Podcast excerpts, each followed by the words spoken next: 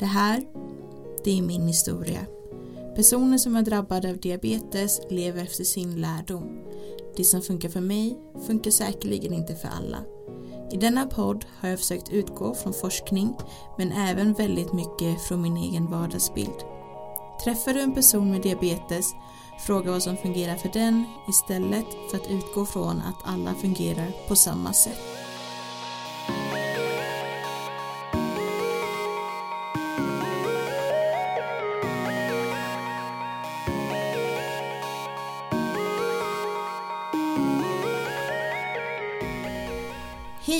Och välkommen till en diabetikers historia.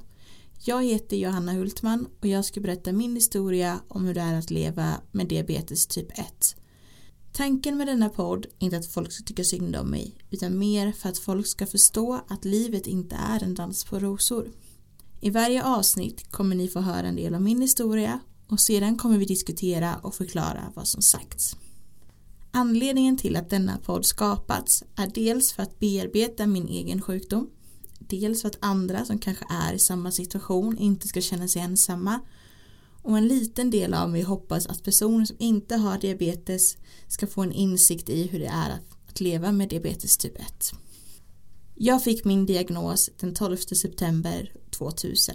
Det innebär helt enkelt att i år, 2020, firar jag att jag klarat av sjukdomen i hela 20 år. Det är därför jag har valt att släppa den här podden just i år. Men nu sätter vi igång. Här kommer del 1 i min historia.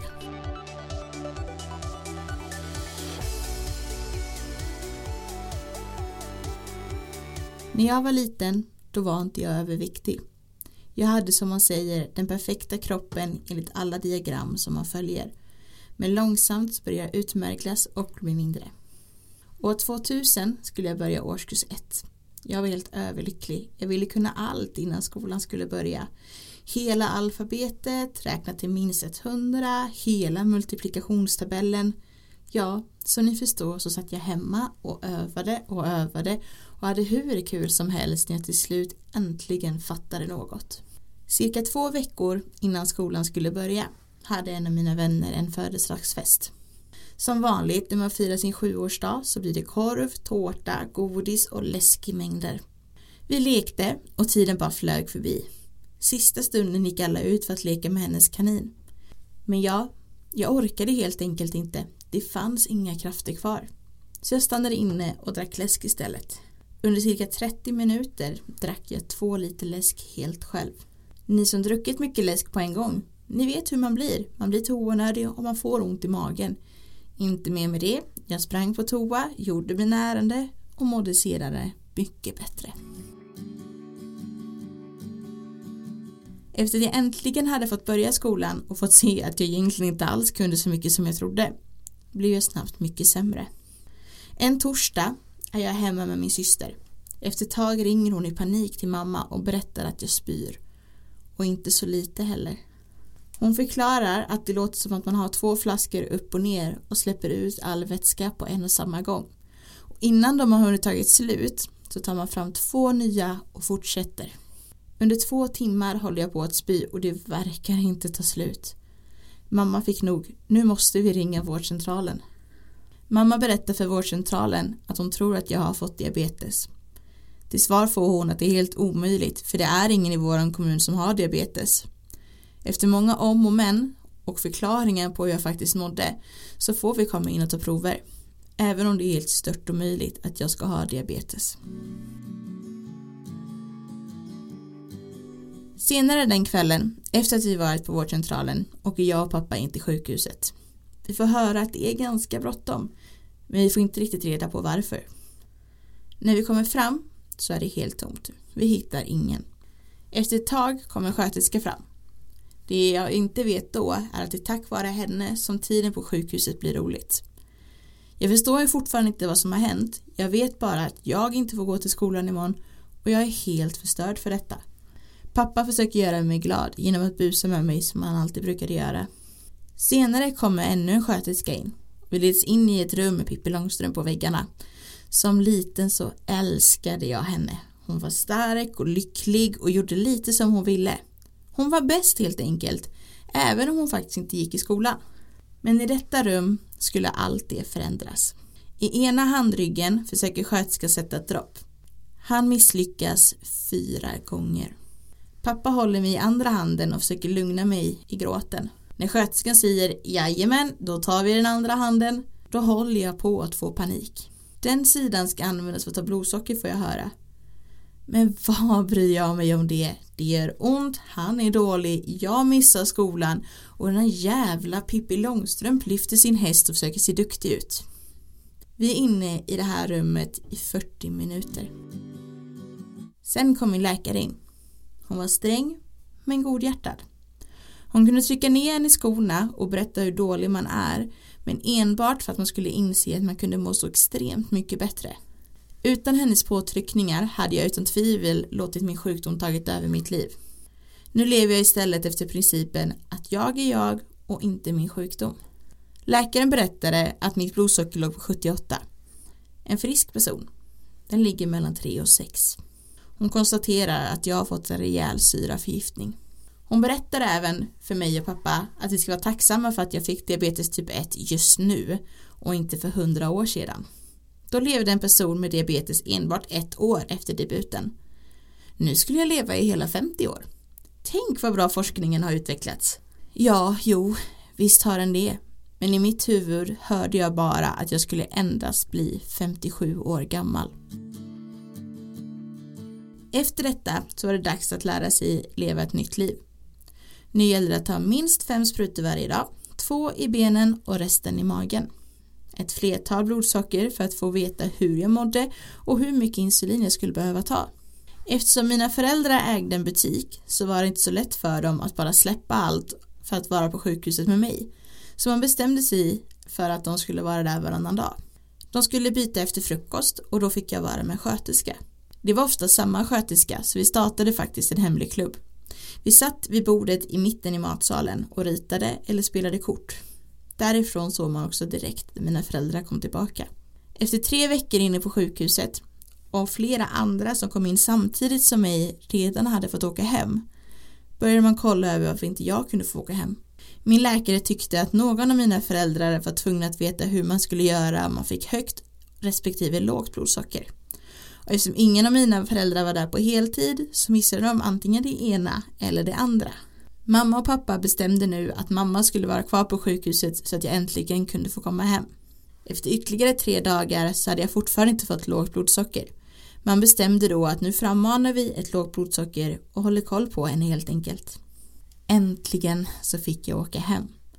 Jag minns att det är pappa som är med mig när jag blev utskriven och glädjen som fanns i hans ansikte det är något jag alltid kommer att minnas.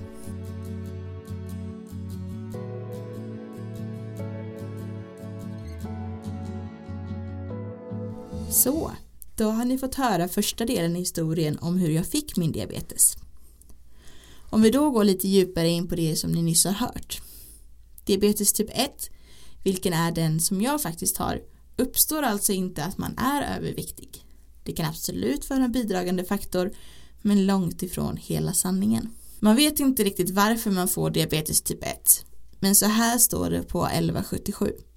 Tecken på diabetes typ 1 behöver kissa ofta och mycket, blir väldigt törstig, känner sig ovanligt trött och kraftlös, mår illa, har ont i magen, man luktar aceton i munnen, ser suddigt och får synrubbningar och man går snabbt ner i vikt. Så här i efterhand så var det ju precis så här jag faktiskt hade det. När jag insjuknade förklarade man att man kan tänka att det är tre saker som ska klicka samman innan sjukdomen bryter ut. I mitt fall var det dels en svår infektion i kroppen som hade gått över när sjukdomen bröt ut, dels lyckan över att jag äntligen skulle börja skolan. Vad den sista parametern var, det vet man inte, utan förklaringen var bara att det inte är en sak som gör att man blir sjuk, utan det finns flera anledningar.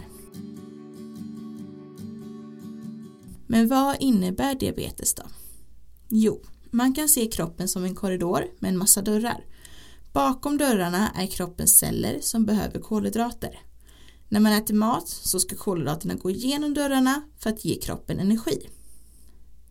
Hos en frisk person löser bukspottkörteln allt det här automatiskt genom att tillverka insulin. Har man dock fått diabetes typ 1 så har bukspottkörteln slutat fungera. Insulinet man då får tillföra med sprutor gör så att dörrarna öppnas. Får man inte insulinet så ropar kroppen efter mer kolhydrater och levern försöker producera mer. Till slut så har kroppen skrikit efter för mycket kolhydrater som inte kan gå igenom dörrarna och kroppen kommer till slut att ge upp. Det är då en syraförgiftning uppstår och detta kan leda till sockerkoma och tyvärr slutligen döden. Ett lågt blodsocker, det kan vara fruktansvärt. När en person känner av ett lågt blodsocker, det är väldigt individuellt. Somliga känner sig låga vid ett blodsocker runt 4, andra vid 2. Sedan finns det de som precis som jag nästan aldrig känner av att man blir låg. Enligt netdoktor.se är lågt blodsocker eller hypoglykemi när blodsocker är lägre än 2 till 3,5. Med det sagt så är alla olika och det som en person känner är alltid rätt. Däremot kan det vara väldigt bra att dubbelkolla med ett blodsocker kanske. Hur man känner av ett lågt blodsocker kan variera från gång till gång. Ibland känns det i hela kroppen, man blir svettig och skakar och man vet inte riktigt vart man befinner sig. Ibland kan man se det på kroppen, man kan bli blek, händerna kan bli fläckiga, typ som ett rutmönster med blodådrorna. Man kan börja vingla och sluddra i sitt tal. Därför kan en person med diabetes ibland misstolkas som att den är berusad. Ibland känner man inte av det låga blodsockret förrän det kan vara för sent och man blir så pass låg att ingenting fungerar. Hjärnan kopplar om och försöker hitta socker istället för att hantera kroppen. Då kan man hamna i koma som även detta tyvärr kan leda till döden.